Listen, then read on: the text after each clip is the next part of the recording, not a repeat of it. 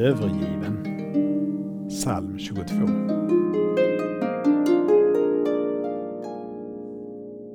Min Gud, min Gud, varför har du övergivit mig?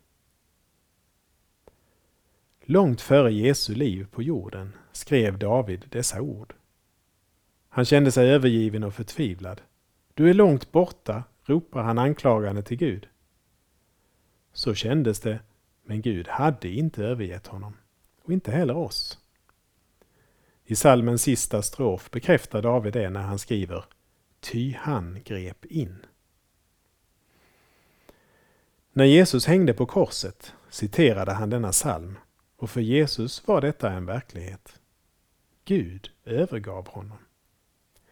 Jesus övergavs för att vi skulle få gemenskap med Gud. Gud övergiven av Gud. Vem kan fatta detta? Reflekterade Luther. Gud grep in och uppväckte Jesus på den tredje dagen. Men övergivandet var verkligt.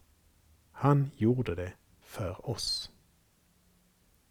Vi ber. Tack Jesus för att du led förbannelsen att vara övergiven av Gud, för att jag skulle få liv och gemenskap med Gud. Amen. Saltarklanger med Per Runesson producerad av Norea Sverige.